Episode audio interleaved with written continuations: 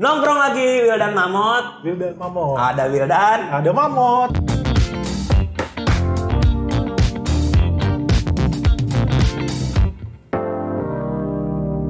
Nah, kita bakal ngebahas nih sesuatu yang nggak penting untuk menjadi penting. Karena politik penuh dengan kepentingan. Jadi kita bahas yang nggak penting-penting dulu aja. Nah, kita kehadiran nih narasumber paling luar biasa. Serius amat narasumber. Kawan lah, ini salah satu sahabat Salah gue. satu. Namanya Bang Erik, dia tokoh pemilu. Gua belum- kita belum apa-apa udah kedatangan tamu ya. Biasa. Karena ini tamu yang paling gampang diundang. Paling murah. Paling murah, cuma tahu, Bang mau biar wawancara, ah siap. Gak pakai macam-macam ya, Ya. gampang. Nih, Bang Erik nih dari SPD bro, lo tau SPD gak? Kagak lah. gua aja baru pertama kali kemarin.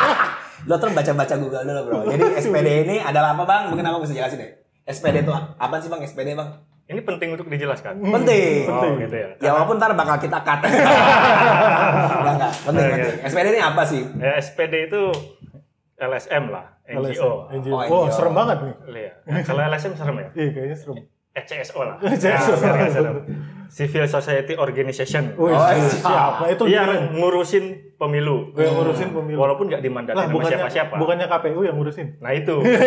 yang dimandatin KPU yang ngurus SPD. Wah, gila. Kira-kira gitulah. Dari nama abang sih nama lengkapnya siapa sih bang? Eh, gua, Ah, Erik. Kurniawan. Erik Gunawan. Dipanggilnya nama panggung Erik. Erik aja. Erik Iya, aja. Erik aja. Erik aja. Gue mau tahu deh, gue kan tahu lo ahli nih soal pemilu dulu jurusan lo apa sih bang? S1 Enggak, maksudnya ada, gue mau tahu aja. Ya, mau gitu. tahu aja gitu Iya. kan. Secara kita kan Karena kebanyakan yang gue wawancarain orang politik itu jurusan ilmu politik itu ke bank, ke agensi. Nah, saya. mau dia dia kan pengkhianat bangsa.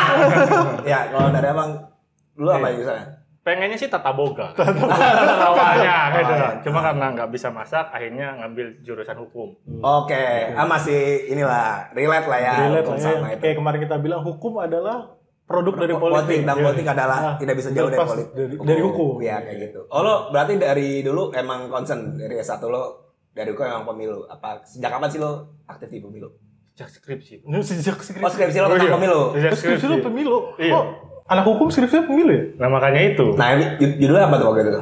Waktu itu judulnya soal penyederhanaan partai pemilu 2004 sama 2009. Oh. Cok berat banget dah.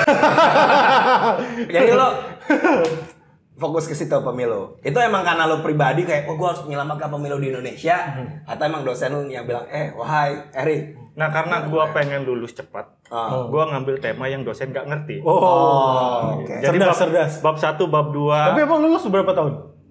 4 tahun. Iya, 4 lah. Cerdas, ternyata cerdas. Iya dong. Gue pikir lebih juga. Udah milih tema gampang ternyata lebih dari Oh, empat tahun. iya, iya. Mantap, mantap. Itu motivasinya harus dipenuhi Oh, kan. iya. Oh, oke. Bayar kuliah ma- kuliah mahal, Bro. Oh, Nah, benar, itu. benar. Berarti habis dari skripsi itu lo lulus ngapain? Langsung terjun ke dunia pemilu-pemiluan. Iya. Magang eh, 3-4 bulan di LSM juga, namanya Indonesia Parliamentary Center, Oh. IPC. Iya, Cek. Tuh organisasi masih ada? Masih lah. Oh kirain udah bubar gitu. Soalnya banyak organisasi Iya, soalnya- LSM yang almarhum ya. Ya, banyak. Salah satunya organisasi saya. Sebut-sebut lagi, sorry, sorry, sorry. Terus habis dari situ ke Langsung ke sini. Langsung sini. ke Oh, langsung SPD. sini. 2016 ke sini. Ah, 2016? 2016 gitu. Di, dua- di SPD baru 2016. Dari 2016 sampai sekarang. Oh, lah, lumayan lama. Berarti sekitar 10 tahun ya katanya berkecimpung di pemilu. Pemilunya mulai ngikutin dari 2010 Hmm. yang di LSM, yang di NGO. Nah, sampai sekarang lah. Kurang lebih 10 tahun lebih. Oh gitu. Wih, pakar batu berarti. Pakar banget. pemilu. Jadi- Udah ngelewatin pemilu apa aja tuh? 2009 kan belum berarti. Hmm. 2012 DKI udah lewatin. 2000 berapa lagi sih pemilu? 14. 14. 14 lewatin. Kemarin terakhir Iya, 19. konsen banget sih nih emang abang Iya. ini. Tapi gue penasaran nih bang ya. Gue tuh kok ngeliat politisi tuh kaya-kaya banget itu. Tuh partai politik juga. Iya, kenapa sih? nggak bisa. Tuh gua- duitnya gua- dari mana sih? Gue gue malah pengen pertanyaan mendasar Apa? dulu. Kenapa orang mau ikut pemilu? Kok mau dipilih gitu? Kenapa akhirnya ada orang repot-repot mau ikut pemilu biar dipilih kan ya pasti. Tapi Hmm. maksudnya kenapa gitu mereka mau partai-partai politik tuh dulu kan kita sempet sampai banyak banget kan ya yang Hmm. pas pasca 98 48. 48 gitu Hmm, kan. Terus beru- turun lagi jadi berapa? 24 kalau nggak salah. 24. 24 terus turun lagi kayak kemarin terakhir berapa sih? Lupa gue. Ya, 16. jangan sosok ngerti pemilu. Kita jawab Enggak, tapi aja. gua gua mau tahu aja Nah, kenapa intinya kenapa orang mau pemilu? Iya, kenapa orang mau ikut ikut pemilu gitu, masuk partai segala macam ya. Iya. Ya sebenarnya kayak orang ikut demo kan. Hmm. Apa hubungan itu? Nggak ngerti kontennya ikut aja. Jadi kebanyakan kayak gitu ya. Kebanyakan kayak Ya, gitu. jadi sebenarnya orang ikut pemilu banyak yang kayak gitu juga. Iya, banyak yang nggak ngerti. ya, Enggak, menariknya tuh gini bro, gue juga punya teman-teman yang ny- nyalon. Jadi yang teman-teman gue nyalon tuh kayak merasa ketika lo partai tuh jadi kayak jenjang karir. Oh. Padahal kalau di disiplin sama gue, lo berpolitik itu mengabdi sama masyarakat. Ilmu Makanya gue juga sih. ah, lo itu. Tapi Terus ilmu gua apa?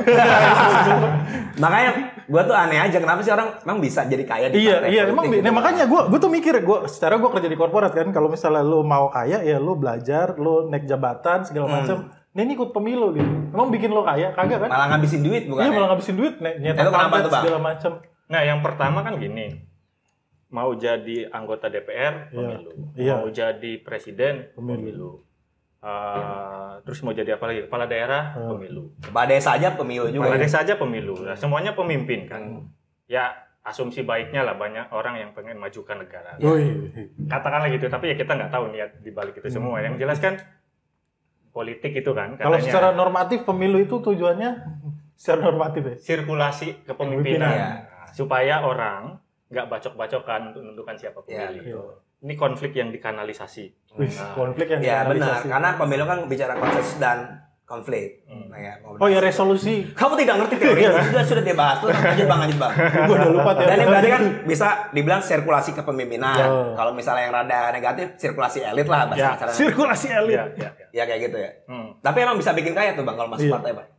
Yang jelas bisa bikin kaya. Gimana caranya? Kok bisa bikin kaya? Ya, Kamu keluar dari korporat kamu.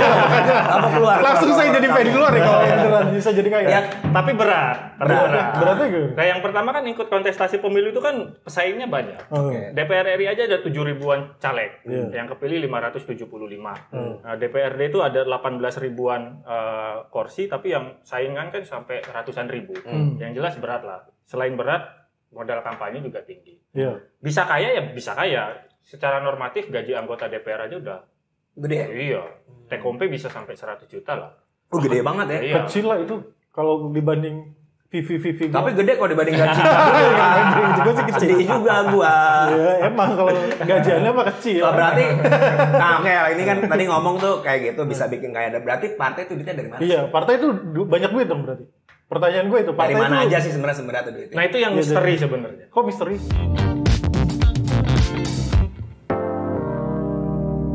Loh iya, kalau kita bilang partai banyak duit, tapi partai selalu ngeluh kekurangan uang untuk kaderisasi, untuk kampanye, sehingga minta banyak disubsidi oleh negara. Emang Oh. ya? Lah iya, Berarti partai sekarang tuh bukan dari bos-bos yang subsidi, So, bukan negara dari juga. yang punya partai. Tidak boleh seperti itu. Tidak boleh.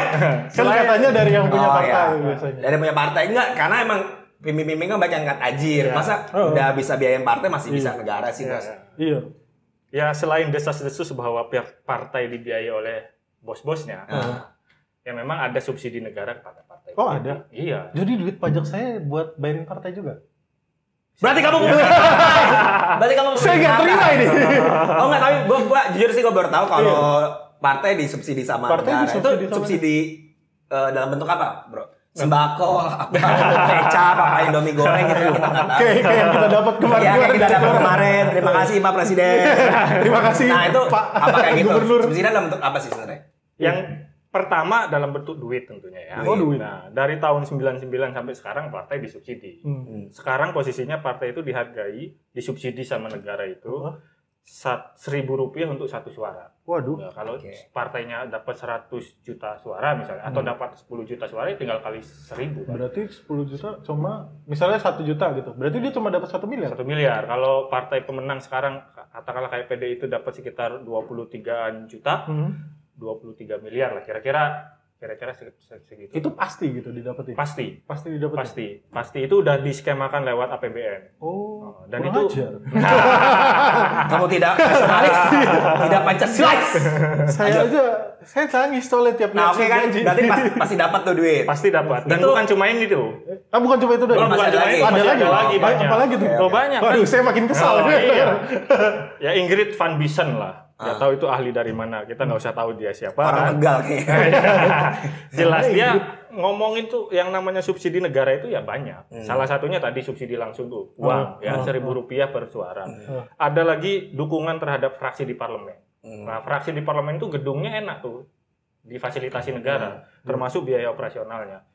Eh, ada tenaga ahli fraksi itu yang dibayar oleh Hmm. negara. Ada namanya uang reses itu juga dukungan negara. Oh itu sebenarnya tapi kan buat anggota-anggotanya kan nggak langsung ke partai kan tapi. Iya lewat anggota-anggota. Oh Tapi lewat kan tuh anggotanya. bisa dikatakan tuh skema keuangan negara yang ngalir untuk partai politik kan tugas parpol untuk melakukan pendidikan politik, Hmm. melakukan kaderisasi, me- apa meraih apa me- me- mendengar aspirasi publik itu kan tugas Hmm. parpol. Nah, pelaksanaan tugas itu kan di berbagai macam duit negara main di situ. Oh, berarti sebenarnya duit negara buat aktivitas politik besar. Besar. Nah, itu eh dari segi Abang tahu nih, itu orang-orang partai itu ngerasa puas gak sih dapat duit segitu gitu kan? Nah, sebenarnya ya, memang idealnya kan pertama Hmm. negara itu kasih uang lah untuk parpol. Itu ideal. Kenapa ideal? Nah, itu pertanyaannya kenapa ideal? Iya karena saya nggak rela. saya nggak rela di duit pajak saya buat biaya partai. Nah, kayaknya bukan lu doang satu-satunya yang rela. Iya Banyak yang makanya gak rela itu. Saya nggak rela nih. Saya baru denger ini nggak rela loh. Idealnya negara mensubsidi partai partai. politik karena biar partai politik nggak korupsi asumsinya kan begitu Asumsinya. karena semua partai kan bilang gini kontestasi pemilu mahal Ya. makanya kemudian korupsi politik banyak marak Oh. terjadi kan nah itulah masuk kemudian politik udah tau mahal. Enggak, dia memang sengaja biar masuk rumah sakit jiwa. ya terus terus. terus. lanjut lanjut. nah itu biar kemudian partai politik nggak korupsi asumsinya kita kasih aja uang Hmm. untuk kontestasi kan karena anda mengeluhkan mahal kita kasih uang Hmm. makanya kemudian korupsi politiknya nggak bisa diharapkan nggak bisa lagi Tapi dilakukan oleh partai korupsi jalan terus. Iya. Enggak, enggak. Udah Ada beberapa partai yang positif juga. Kamu jangan suzon. Oke, berarti eh disubsidi kan? subsidi Dengan harapan seperti itu. Ya. Tapi sebenarnya kalau di negara lain tuh sebenarnya skema pembiayaannya gimana sih? Iya sih, gue jadi penasaran. Ada nggak sih Ya kan, negara, negara yang yang disubsidi juga partainya? Banyak. Banyak. Di Eropa Barat subsidi partainya gila-gila. Ada nggak yang yang nggak disubsidi malah? Banyak juga. Amerika disubsidi nggak sih? Kalau Amerika itu lebih banyak dia memang dananya Oh, dari charity, publik. charity ya? Iya, dari Oh, publik. berarti Pendanaan ada publik. skema yang dari negara, ada skema yang dari publik. Ya, secara umum gini, Eropa Barat banyak skema pendanaan negara terhadap Hmm. partai itu banyak di Eropa. Iya. Eropa Barat terutama itu pionirnya. Kalau Oh. Amerika lebih banyak pendanaan publik, Pendanaan fundraising-nya gitu. Oh, berarti ada dua jalur ini. Ya, kalau di. Indonesia nih gimana prakteknya lah nggak usah normatif ya prakteknya. Prakteknya didanai negara. di dana Dari negara. negara. Yang tadi kan dapat seribu. Oke. Ya, tapi angka itu masih sangat kecil dibandingkan kebutuhan partai. Coba. Tapi ada berapa kan yang dapat sponsor. Kan ada istilah di Indonesia bohir-bohir politik. Nah itu duitnya ke mana? Nggak, tuh tapi tapi gue penasaran dulu kalau dibilang misalnya contohnya dibilang itu masih kurang emang sebenarnya pendanaan partai berapa lo ada datanya nggak sih berapa persen sebenarnya yang dikasih misalnya nih, tadi PDIP 23 miliar Hmm. kalau misalnya PDIP 23 miliar sebenarnya budgetnya dia berapa kalau segitu masih kurang gitu Nah, asumsinya pernah ada yang melakukan riset Mhm. kebutuhan partai politik, pendanaan partai Heeh. politik Heeh. itu hanya di cover oleh pendanaan negara yang sekarang praktek itu itu nggak lebih dari satu persen, ah satu satu persen? sampai dua persen. berarti kalau dihitung Seribu seribu ya? suara satu, satu suara Iya, itu 20 seribu 20, berarti 20. harusnya sepuluh ribu. Satu suara itu? Atau eh sepuluh ribu? Seratus ribu? Kalau cuma satu persen? Ya Aku pusing itu hitungan Aku pusing. Otak Anda cetek soal itu Saya di lembaga keuangan Oh, saya iya, jadi maaf, paham. maaf. Ya karena mereka bilang seribu itu masih kurang, masih Ya. cuma satu persen dari Ya. se- pendanaan kan? Iya dong. Tapi emang Satu persen itu dulu waktu waktu subsidi negara itu cuma 108 rupiah. oh berarti sebenarnya udah naik 10 udah persen naik nih, udah naik 10 kali lipat kan. 10 kali lipat. Ya, Nah, ini risetnya masih kurang juga sekarang. Ini justru risetnya KPK, Bro. Oh gitu. Risetnya KPK itu merekomendasikan Heeh. pembiayaan negara terhadap parpol, parpol itu Heeh. satu suara itu sepuluh ribu. Oh, Oh malah dinaikin. mana Iya. harusnya dinaikin 10 ribu. Oh. Dari se- sekarang seribu nih Oh, oh. bertahap. Nah, ketidakikhlasan Anda di, diuji kan? Iya lah. Habis itu naik. Kayak 100 aja gua nggak- nggak ikhlas. Si Naik. 1000 disuruh naikin lagi 10 Naikin ribu. lagi nanti 5.400 katanya kan. Oh gitu. Nah, terus 10.000. Anda banyak-banyak sabar.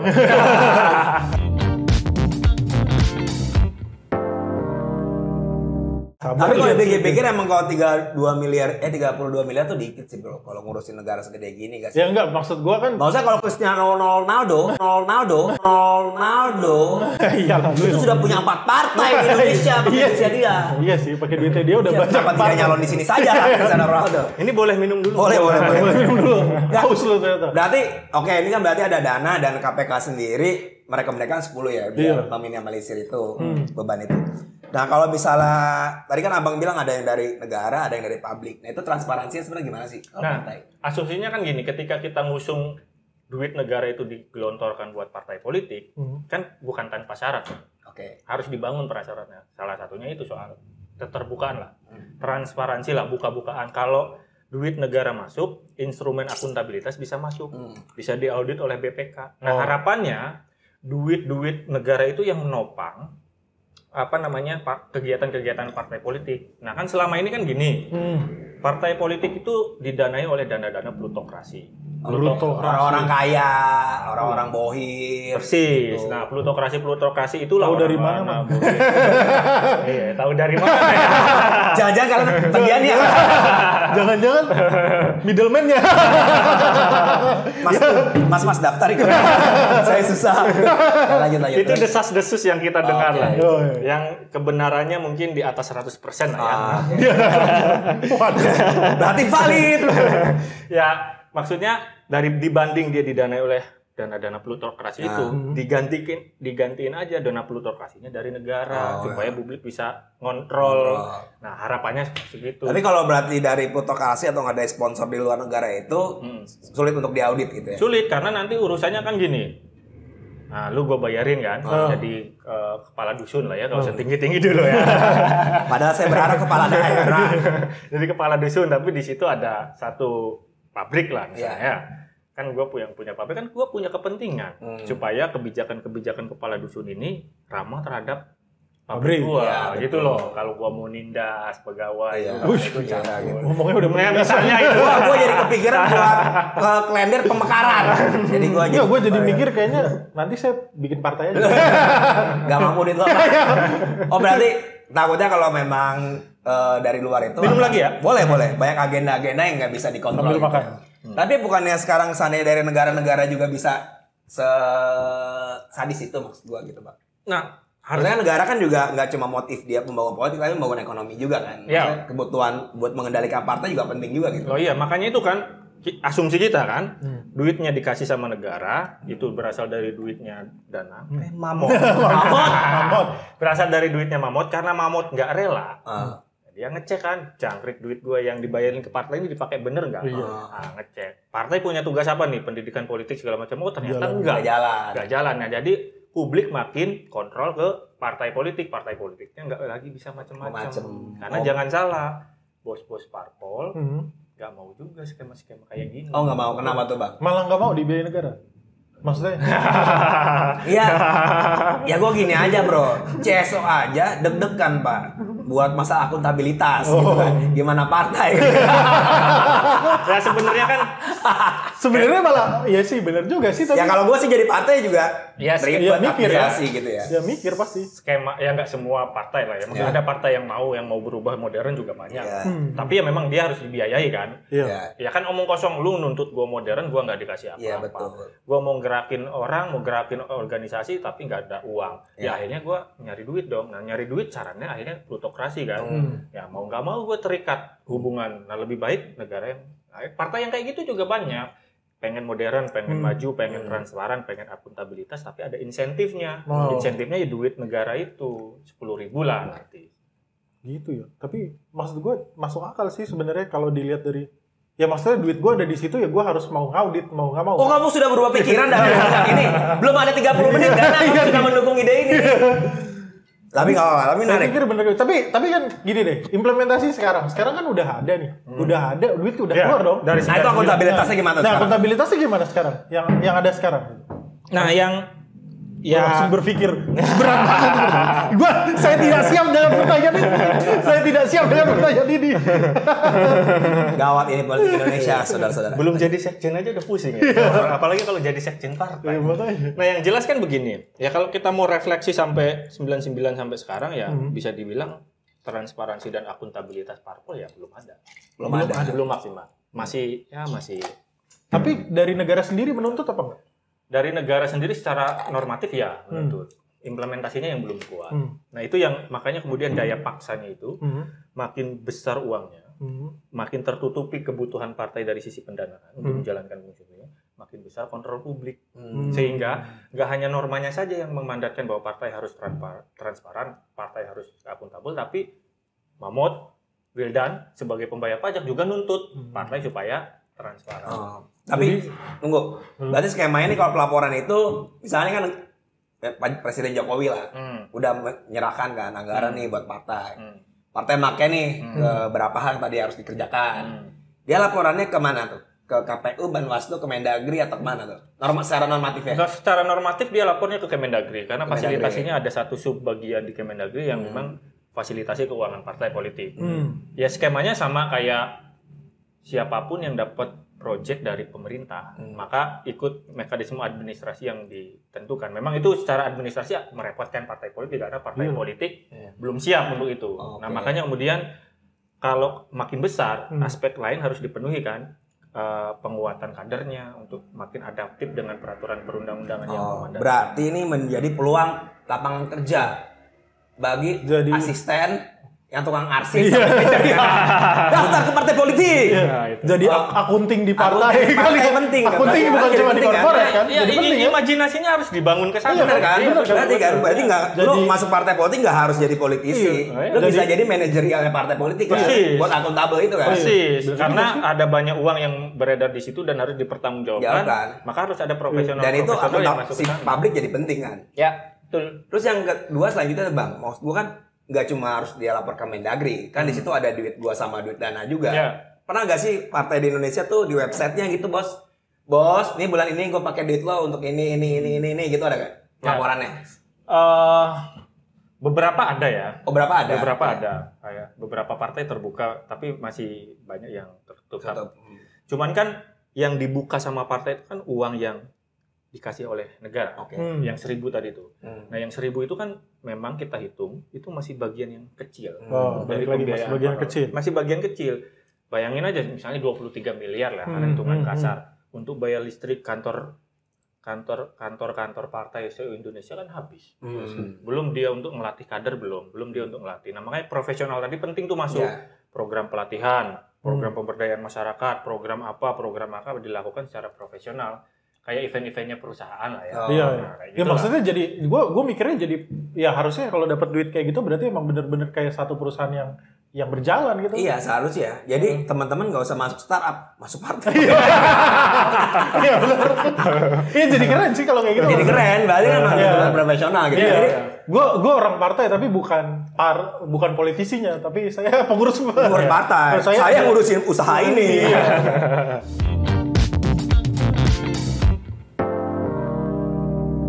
Oke, jadi itu ada imajinasi kita bahwa ternyata partai politik bisa menciptakan lapangan pekerjaan juga sebenarnya. Jadi kalau misalnya dari SPD sendiri nih dari Bang Erik, Eh, pengennya tuh anak muda tuh harus gimana sih Iya. sama soal transparansi Iya sama sama Dan keuangan inilah, dan keuangan partai ini sih maksudnya pesan lo cek pesan anjir. Pesan ada pesan berikut ini. Kalau saya tiba-tiba langsung berubah sih. Yang tadinya kesel jadi oh iya bener juga ya. Dana disponsori. Dana disponsori. Enggak enggak enggak ada yang Jangan lupa amplopnya Pak. Loh, ini bukannya narasumber yang Kembali kan. Nah, Gimana, Bang? Ya gimana? Nah, yang pertama ya seperti yang Danang bilang ya, Hmm. jangan ikhlas dulu duit pajaknya di di Dan ikhlas dulu. Iya, kalau Anda ikhlas Anda nggak ngontrol. Ah, Oke. Hmm. Jangan ikhlas supaya Anda mau kontrol. Nah, itu yang yang pertama. Yang kedua, ya karena semua aspek kehidupan ini ditentukan oleh mekanisme politik kan, Hmm. yang Betul. bikin peraturan DPR. Hmm. DPR itu partai politik. Hmm. DPR bikin peraturannya sama presiden, presidennya partai politik. Hmm. Terus siapa lagi?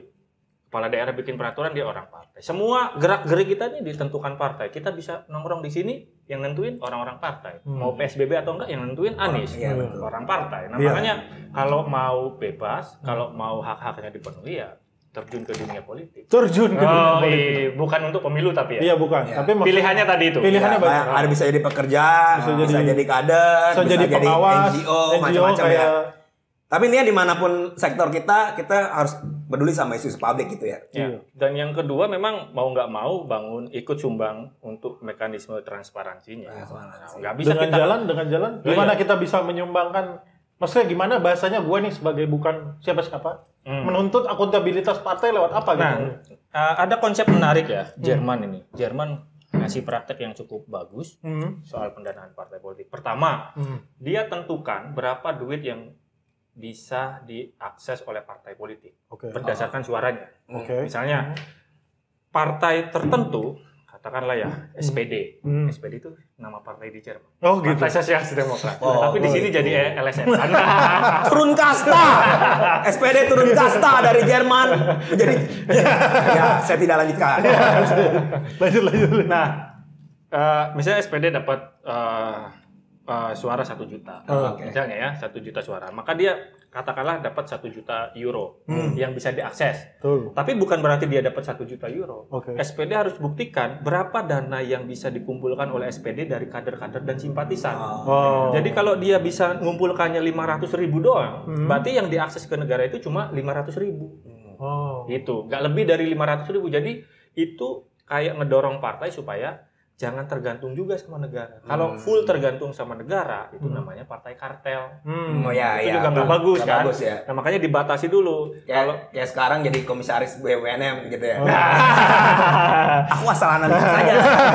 Kamu tidak tahu aku asal analisa pokoknya. anda asal sebut aja Ya, Saya tidak sebut orangnya. tapi maksudnya berarti maksudnya selain dikasih akses lu lu juga harus bisa ngumpulin juga Hmm. Iya, gitu kan, kan Dan itu nanti dibuktikan. nanti jadi 50 50 gitu Iya, kan 50, negara 50. 50 apa yang dikumpulin dari partai 50 Iya, gitu Dan itu kan transparan. Misalnya saya ngumpulkan dana sampai 500 ribu. 500 ribu itu dari siapa? Dari Danang 1000, Hmm. dari Wildan 1000, dari siapa 1000, dari ini 1 euro, dari ini 1. Kan dibuka. Bener nggak nih? Oh ternyata banyak juga penyumbangnya. Nah itulah yang kemudian negara, oh karena dirimu cuma bisa uh, uh, uh, ngumpulin 500 ribu, saya kasih 500 ribu. Oke. Jadilah sejuta itu buat operasional partai. Iya, selain itu, Heeh. orang-orang warga negara yang nyumbang ke partai politik, Heeh. dia dapat pengurangan pajak. Oh. Oh, menarik ya. Menarik ya. Gak cuma ke parpol sih, ke LSM juga boleh. Ya mungkin kalau pengusaha-pengusaha itu itu bisa ngurangin pajak mereka juga jadi lebih transparan juga kan? Iya. Dan lebih Iya. sangat ini Iya, peduli sama isu-isu publik. Iya. Iya. Maksud gua ya pengusaha kalau dari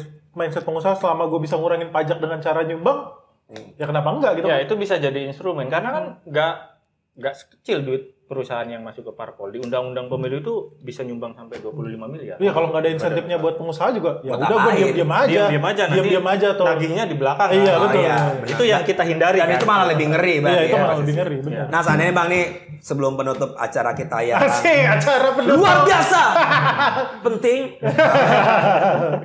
seandainya Bang Dana Maruf Amin nih gue kan. Maruf Amin. Gue Jokowi nih. Ternyata Ma'ruf Amin waktu gini ya. Gue telepon nih. Bro Erik, ke istana lah. Gue mau narik lo jadi Kemendagri gantiin Pak Tito. Kebijakan apa yang akan lo lakukan ketika lo jadi Kemendagri dan dikasih eh, tantangan untuk membenari pemilu kita? Apa bang yang akan lo lakukan? Bahasanya program sehari, 100 hari lo lah. Aduh. Susah banget pertanyaan lo. Susah banget Ya pertanyaannya. ini harus. Ntar saya laporkan ke bapak. bapak saya. Bapak saya. Aduh. Bapak saya. Bukan bapaknya. Aduh, ini masa kampanye ya, jadi dikiranya nanti jadi kepala daerah ya.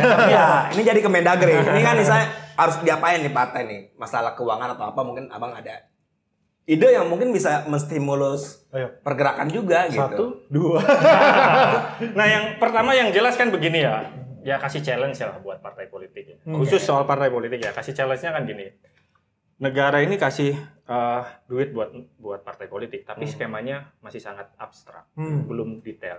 Beberapa skema itu bisa di- dilakukan. Misalnya, saya bisa kasih uang Anda misalnya sesuai dengan prestasi, tapi Anda harus buka berapa duit yang Anda kumpulkan kayak Hmm, yang di Jerman. Terus yang kedua, Hmm.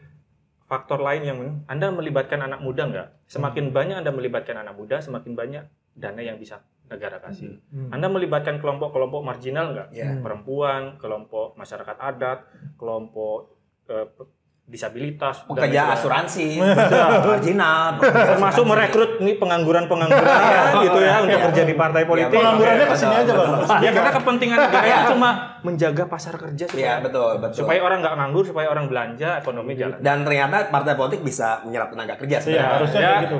membangun insentif dan disinsentif bagi Ya. partai Oh, politik lah untuk modern. Yang jelas dibayangkan ke depan partainya makin modern. Oke. Cocok. Pak Jokowi. Tolong, tolong. Tolong jangan dipanggil. Dipanggilnya ke Pak Kaiser. Gimana dah? Gimana dari dah? Dari dah. Udah gue jadi lebih paham sih maksudnya. Awalnya gue gak rela. Awalnya nih Dana tadi nggak rela Tapi kalau masuk akal, masuk akal. akal ya. Ya, Jadi masuk akal. terus dipelihara ketidakrelaan Iya. Iya, tapi supaya ngontrol Iya terus. gue gak rela, Nah. tapi tapi gue lebih nggak relanya. Awalnya gue nggak rela ngapain gue biayain duit apa duit gue duit pajak gue buat biayain partai. Tapi sekarang lebih nggak relanya harusnya gue bisa lebih akuntabel kalau Iya. ternyata udah dikasih duitnya. Itu nah, lu gimana?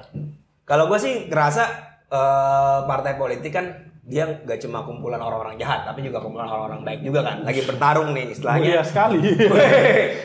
jadi kalau partai ini kita juga menjadi pemilik saham yang atau partai apa pun, seharusnya kita jadi lebih aware sama kebijakan-kebijakan mereka, regulasi mereka, bahkan sama hak hak kita yang diaspirasikan sama mereka. Jadi banggalah lo jadi salah satu pemilik saham di partai politik. Cuma hari ini kita harus tuntut Tuntut akuntabilitas. akuntabilitasnya. Ternyata gue juga baru tahu juga kan negara ngasih beberapa di uh, partai politik. Jadi gak usah ragu lagi, Gak usah ragu lagi apaan lu. gak usah ragu lagi untuk berinvestasi politik. Oh, bukan. Nggak, ini bukan reksadana, bukan reksadana. Masa berinvestasi untuk kemajuan bangsa Ya. kita dan masa depan politik yang lebih cerah gitu. Ya, Bos, jangan ya. lupa juga buat akhirnya, ya gue harus lebih aware sih akhirnya. Iya. Diracun Dibantu. loh. Iya. Langsung keselak saya gara Iya. Ya harus lebih aware sama akuntabilitasnya partai. Mau nggak mau lah ya, karena ternyata duit kita udah ada di sana. Dan bisa jadi lapangan pekerjaan. Ya, ya semoga ke depannya sih kayak gitu, Ci. Ya, jadi nongkrongin terus gue dan Mamut kita bakal ngebahas sesuatu yang jauh lebih tidak penting karena lagi-lagi politik penuh kepentingan ya kali-kali lah kita lihat dan dorong kepentingan kita juga sampai ketemu lagi Sampai ketemu lagi, bye-bye. Produced by Total Politik and powered by haluan.co.